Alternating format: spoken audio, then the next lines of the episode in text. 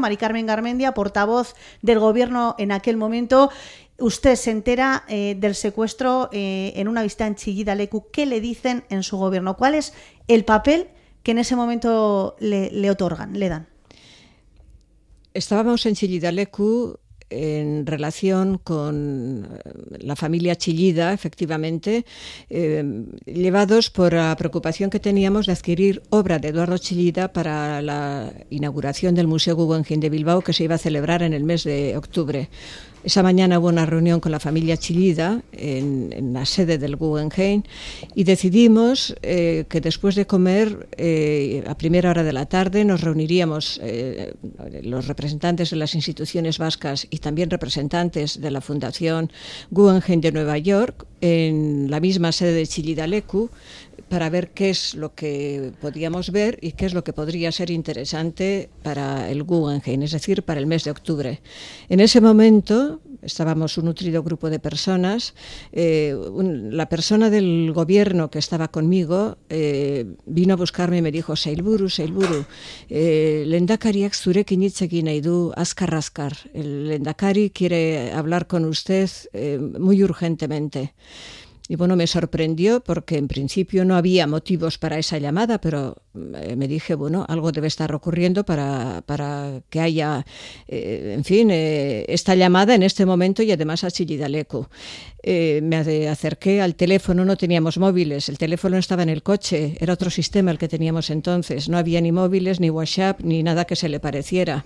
Teníamos el teléfono en el coche que era ya un gran adelanto. Me acerqué hasta el coche eh, recogí o cogí el teléfono y el Endacari Ardanza me contó qué es lo que había ocurrido y qué es lo que habían podido confirmar. Es decir, se trataba del secuestro de un joven concejal llamado Miguel Ángel Blanco de Hermoa y por lo tanto había inmediatamente que dirigirse a los secuestradores desde los medios públicos de Radio Televisión Vasca, de ITV, eh, pidiéndoles la liberación del secuestrado. Eh, nos trasladamos inmediatamente a desde Chilidalecu a Miramón. ¿Dónde está usted en estos sí, donde estoy en estos momentos, efectivamente. Y eh, se cortaron todas las emisiones para tanto de radio como de ETV para poder hacer este llamamiento en nombre de las instituciones vascas y pedir encarecidamente que no cometieran o que no llevaran a cabo la amenaza que se cernía sobre el joven secuestrado.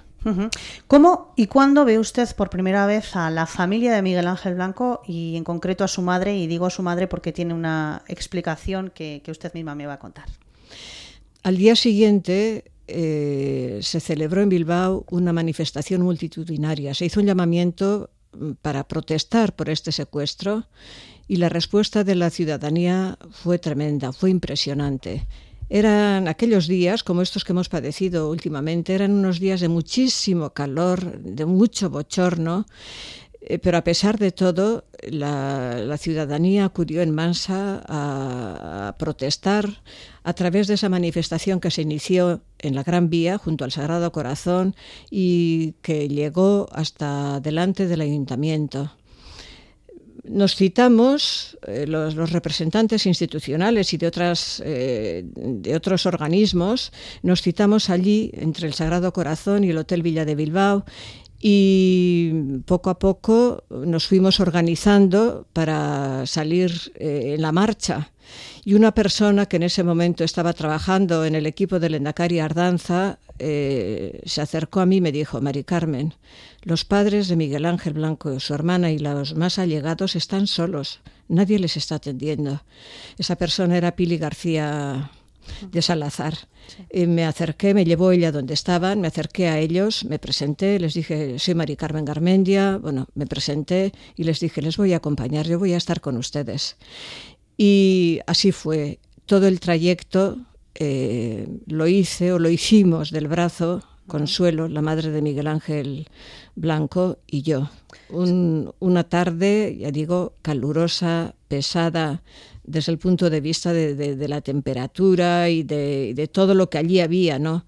Pero claro, impresionante también, lo más impresionante que se pueda tener en la vida, que vayas del brazo, que lleves del brazo a la madre de un hijo joven secuestrado y amenazado de ejecución. Esa imagen perdura, eh, Mari Carmen Garmendia, esa imagen de usted con la madre de Miguel Ángel Blanco, las dos juntas, eh, ¿qué se dicen en esos momentos? Si no me equivoco, eh, ella le preguntaba todo el tiempo qué pensaba usted que iba a ocurrir. ¿Usted también qué le dice a ella? Bueno, eh, pude comprobar en todas las horas que estuve con ellos, que fueron las horas de con ellos, con los padres, eh, la hermana y algunos allegados más, eh, pude comprobar que era una familia muy discreta,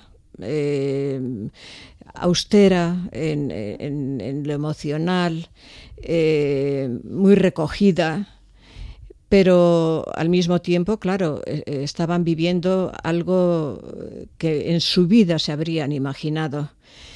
No era mujer, pude comprobar que no era mujer de, muchas palabras, eh, ni de gritos, ni de nada de eso, absolutamente nada de eso. Como digo, eh, mucho silencio y mucha contención en la expresión de las emociones pero al mismo tiempo no dejaba de preguntarme cada unos cuantos metros, ¿usted qué cree?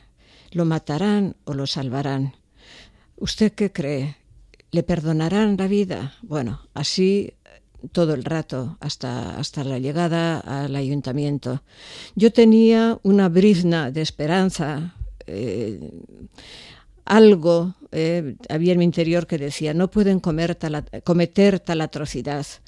Eh, que haya algo de cordura, un hilo de cordura, una gota de compasión y que no lleguen a ejecutarle tal como han anunciado.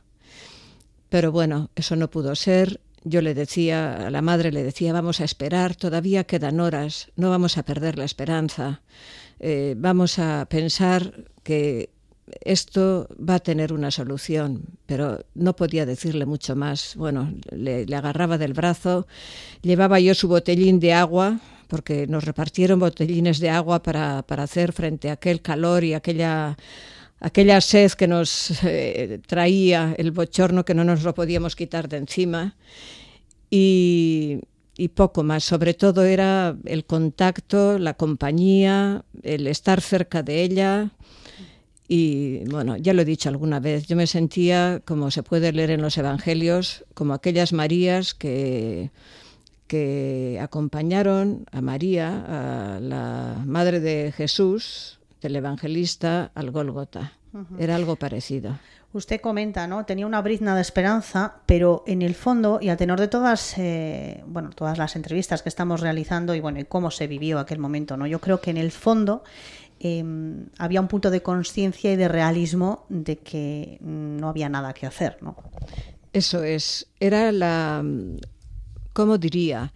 Era la lucha interna eh, que probablemente muchas personas de las que estábamos allí sentíamos, ¿no? Por una parte, eh, se llegarán hasta la ejecución y por otra parte dices, puede haber, esperemos que haya algo de cordura que haya unas gotas de compasión, que no se llegue a esto, pero bueno, era una esperanza pues pequeña. He habido cuenta de lo que habíamos vivido ya. Eh, unos días antes fue liberado José Antonio Ortega Lara y ya vimos en las condiciones en las que salió. Yo seguí también desde muy cerca aquel secuestro.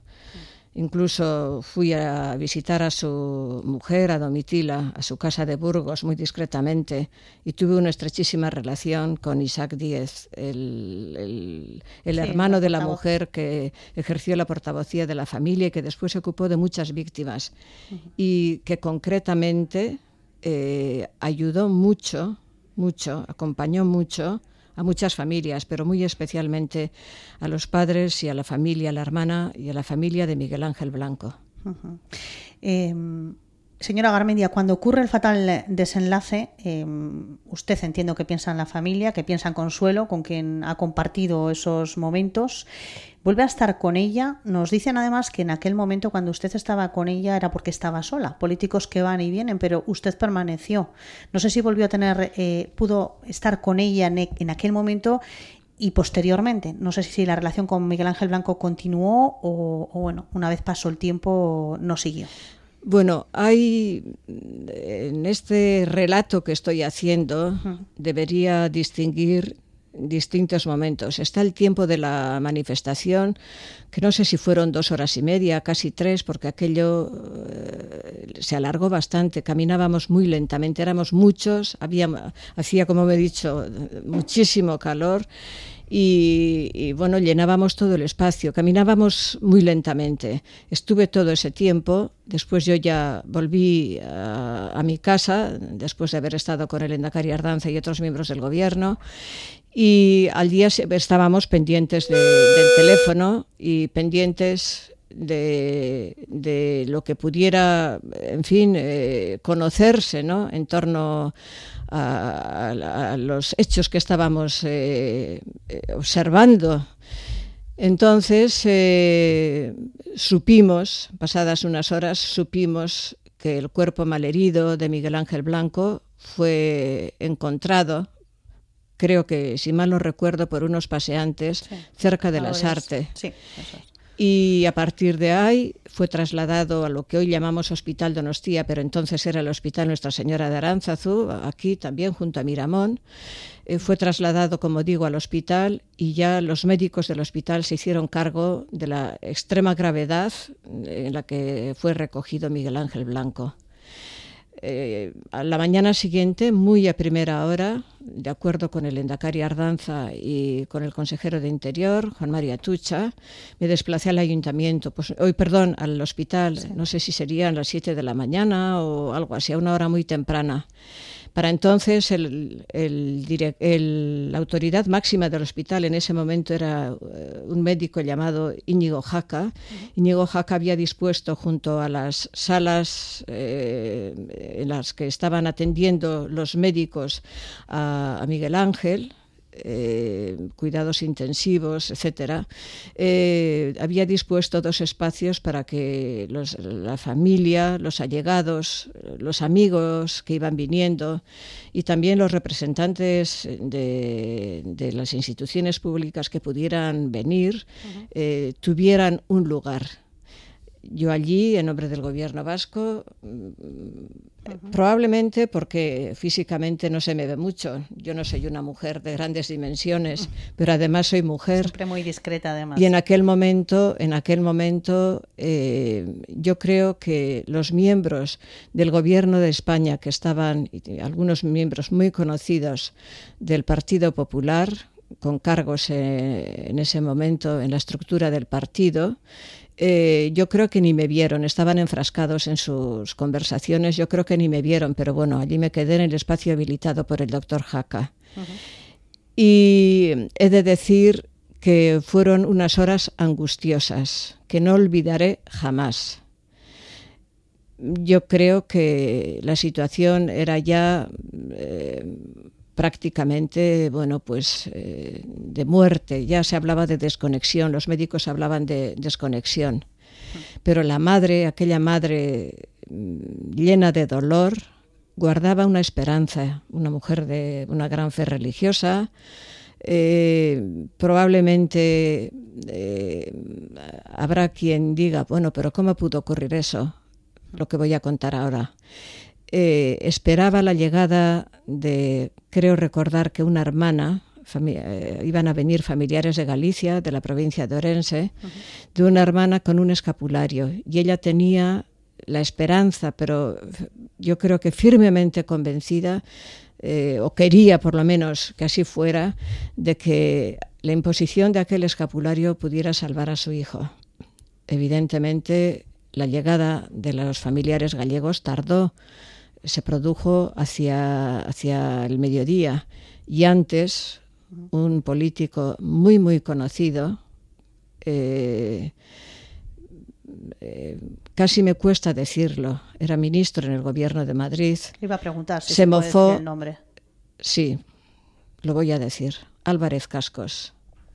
Se mofó, se mofó de esa esperanza eh, de la madre. Es verdad, yo tampoco creía que eso se iba a producir, eh, que ese escapulario pudiera en fin, ser eh, el remedio para aquella angustia y para que Miguel Ángel pudiera volver a la vida.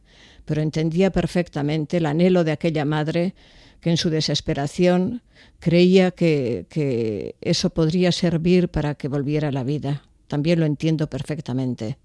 El problema era que hubo políticos y concretamente la persona que he mencionado que tenían muchísima y, muchísimo interés en que las noticias llegaran a los informativos del mediodía y un retraso en el anuncio del fallecimiento de Miguel Ángel no convenía a los intereses comunicativos de carácter político del PP.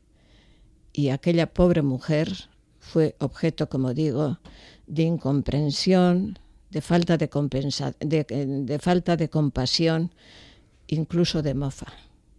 Eso fue durísimo, muy duro, durísimo. Los médicos anunciaron ya que había fallecido Miguel Ángel y a partir de ahí hubo una desbandada de, de todos los políticos de su partido y me quedé yo, pero se quedó y en todo momento estuvo muy presente, y esto quiero subrayarlo, Carlos Totorica, eh, alcalde socialista de Hermoa. Quiero reseñar de modo especial y subrayar eh, el papel que jugó en todo momento con una gran elegancia institucional, personal y de atención uh, de Carlos Totorica. Eso no lo voy a olvidar nunca. Momentos de consuelo, le quería decir, dentro de aquel terrible drama, que consolar yo creo que no, no, es posible, no sé si se puede consolar en ese momento, pero bueno, por lo menos acompañar. Se puede acompañar, se puede acompañar, se puede acompañar y estar al lado, estar cerca, compartir eh, lo que el gran dolor que, que, se está viviendo. Bueno, eh, como digo, quedamos solos, eh, Juan Mari Atucha eh, y sus, gentes organizaron ya todos los medios eh, para que pudiéramos desplazarnos al monasterio, al perdón, al cementerio de Polloe, donde se iba a efectuar el examen forense y es como pude también acompañarles Carlos decidió, yo creo que es lo que tenía que hacer y lo, hizo verdaderamente bien, eh, decidió desplazarse a Hermoa para organizar eh, no solo la recepción del cuerpo, del cadáver en el ayuntamiento, sino también atender a la población de Hermoa que estaba pues muy emocionada, muy enfadada, muy dolorida y había también que comunicarse con ellos y estar eh, con ellos como primera autoridad del municipio. Les acompañé al, como digo, a Polloe y eh, se nos fue bastante tiempo de aquella tarde en Polloe porque las labores de los forenses, bueno, pues se alargaron. Y allí estuve sola eh, con ellos, los padres, Marimar, la novia, algunos tíos. Y hubo una persona, y eso también quiero señalarlo, hubo una única persona del Partido Popular que se acercó al, lugar donde estábamos en Polloe, una concejala del Ayuntamiento de San Sebastián, a la que creo que ya no he vuelto a ver más, Carmen Nagel. Fue la persona que se acercó, estuvo con los familiares, les hizo compañía durante un rato y por lo menos tuvo la sensibilidad de, acercarse, de mostrarles su condolencia y su afecto. A partir de ella se organizó la salida eh, de la comitiva a Hermoa y esto tampoco lo olvidaré nunca. me tocó encabezar la comitiva con eh, los coches de la Erchancha que protegían a la comitiva que, acabo de mencionar, eh, el coche fúnebre con Miguel Ángel Blanco y los coches que transportaban a los padres, a la hermana y a los allegados que habían llegado de algunos, creo que vivían aquí, pero otros habían llegado desde Galicia. La llegada a Hermoa fue impresionante. Y ya a partir de ahí eh, yo vi que mi papel ya era otro. Yo pasaba, bueno, siempre había estado en el anonimato, por así decir, salvo en el momento en que tuve que salir hacer el llamamiento, en el momento en que se conoce el secuestro. Pero ya eh, el papel principal lo tenía que tener el alcalde y la corporación municipal, pero a ello se sumó el gobierno de Madrid, la plana mayor del PP, y yo ya eh, no tuve nada más eh, que hacer más que volver a San Sebastián y asistir a la manifestación que se organizó delante de la, Diputación Foral en la Plaza de Guipúzcoa y ahí sí, ahí sí, ahí eh, en silencio, pero lloré amargamente después de esos tres días por todo lo que había vivido.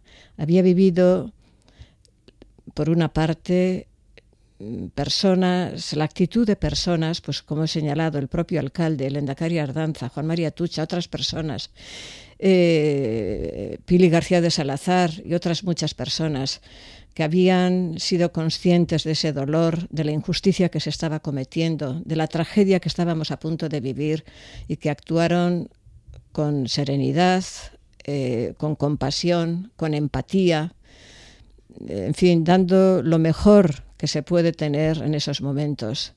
Y hubo quien hizo un uso muy interesado, muy interesado, y yo diría que hasta perverso en algunos momentos, del dolor de esa familia. Con el tiempo y con la perspectiva, Mari Carmen, eh, no le voy a preguntar alguna de las preguntas que ya tenía porque me lo ha contestado ya absolutamente cuando decía usted que en aquel día, aquellos días se cruzó con lo peor, con lo mejor de los seres humanos, de la política, me lo ha dicho claramente. Y también, eh, bueno, usted lo ha dicho, ¿no? Hubo quien aprovechó para hacer un, juego político de, esta desgracia tan fuerte.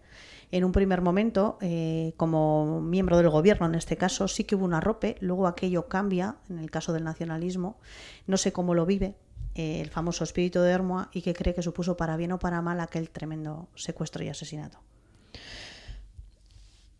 Fueron tiempos muy duros.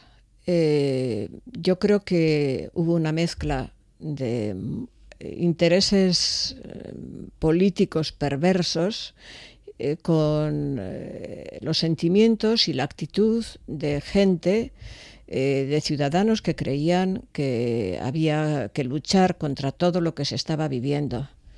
Yo creo que hubo una, mezcla de, diferentes elementos. Fueron momentos muy duros, durísimos.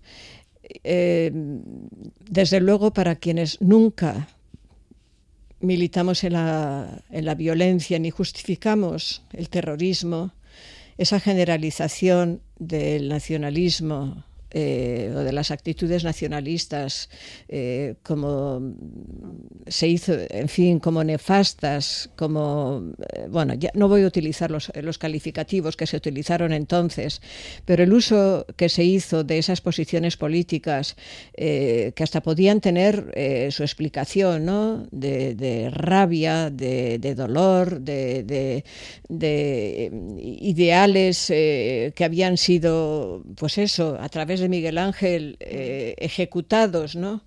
Eh, se hizo un uso, yo diría que muy interesado por parte de, algunas instituciones y de algunas eh, personas, en bastantes casos además muy conocidas por sus diversas trayectorias, bien literarias o intelectuales, universitarias o políticas fueron tiempos eh, francamente duros.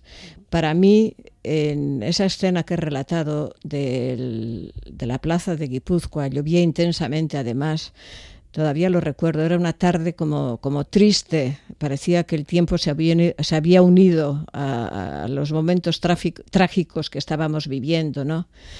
Eh, eh, había una pancarta detrás de la cual nos situamos los representantes institucionales y el mismo ministro que por la mañana se había mofado de Consuelo, la madre de Miguel Ángel, estaba tras esa pancarta. Y enfrente, bueno, pues mucha ira, mucho dolor, muchos ciudadanos que proferían gritos y hacían gestos eh, que no presagiaban eh, convivencia, ni presagiaban diálogo, ni presagiaban entendimiento, nada de eso. Fue muy duro. Eh, para terminar, eh, la madre de Miguel Ángel Blanco fallece en 2020, fallece de COVID, eh, tres semanas después, además de haber fallecido. Efectivamente, mueren los dos con un lapso de tiempo muy, muy corto, sí, sí, sí. Se fueron a vivir a Vitoria. yo no tuve, yo no tuve relación ya directa con ellos, me acordaba mucho de ellos y en cuanto aparecían en prensa y los veía, pues eso, con buen aspecto y los veía bien, pues me alegraba mucho. yo tuve noticia de ellos a través de, bueno, no solo de los medios de comunicación, sino especialmente a través de Isaac Díez, que lo he mencionado antes, que el cuñado de Ortega Lara, que fue portavoz eh, durante su secuestro, un salesiano que estaba en la comunidad en ese momento de Urnieta y que después en sus diversos destinos siguió acompañando a muchas víctimas de ETA. Yo tenía muy buena relación con Isaac y él fue quien me iba dando noticias de cómo se estaban organizando y desarrollando su vida tras eh, los, eh, en fin, eh, episodios trágicos que tuvieron que vivir. Imagino que se les removería muchas cosas, ¿no? Al enterarse del fallecimiento de Consuelo. Sí, la verdad es que, bueno, pues lo sentí, lo sentí. También es verdad que creo que pudo tener una vida, eh, o, los dos, eh, padre y madre de Miguel Ángel, y también eh, Marimar, su hermana, yo creo que pudieron rehacer su vida, sin duda con la cicatriz que te deja algo como lo que vivieron, pero creo que pudieron rehacer su vida y diría yo que tuvieron unos años en los que otra vez volvieron a eh, llenarse de fuerza y de esperanza porque supieron eh, aceptar la ayuda de personas que les acompañaban, pues como es el caso de Isaac y de otras personas, y desempeñaron incluso eh, labores relacionadas con la atención a personas que lo necesitaran. Muy bien, Mari Carmen Garmendia, pues eh, con este relato creo que no hacía falta mucha pregunta, todo lo que nos ha contado pues eh, bueno, conmueve, recuerda y, trae a primera persona además todo lo que usted vivió. En principio, hasta aquí, Mari Carmen, a no ser que quiera comentar alguna otra cosa, yo creo que el relato está, está hecho. Bueno, es algo que no deberíamos olvidar nunca, ni eso ni otras cosas, ni otras, eh, otros hechos que han sucedido, porque no podemos eh, ni vivir el presente adecuadamente ni construir el futuro si no tenemos memoria. Pues con esa frase nos quedamos, Mari Carmen. Muchísimas gracias. De nada.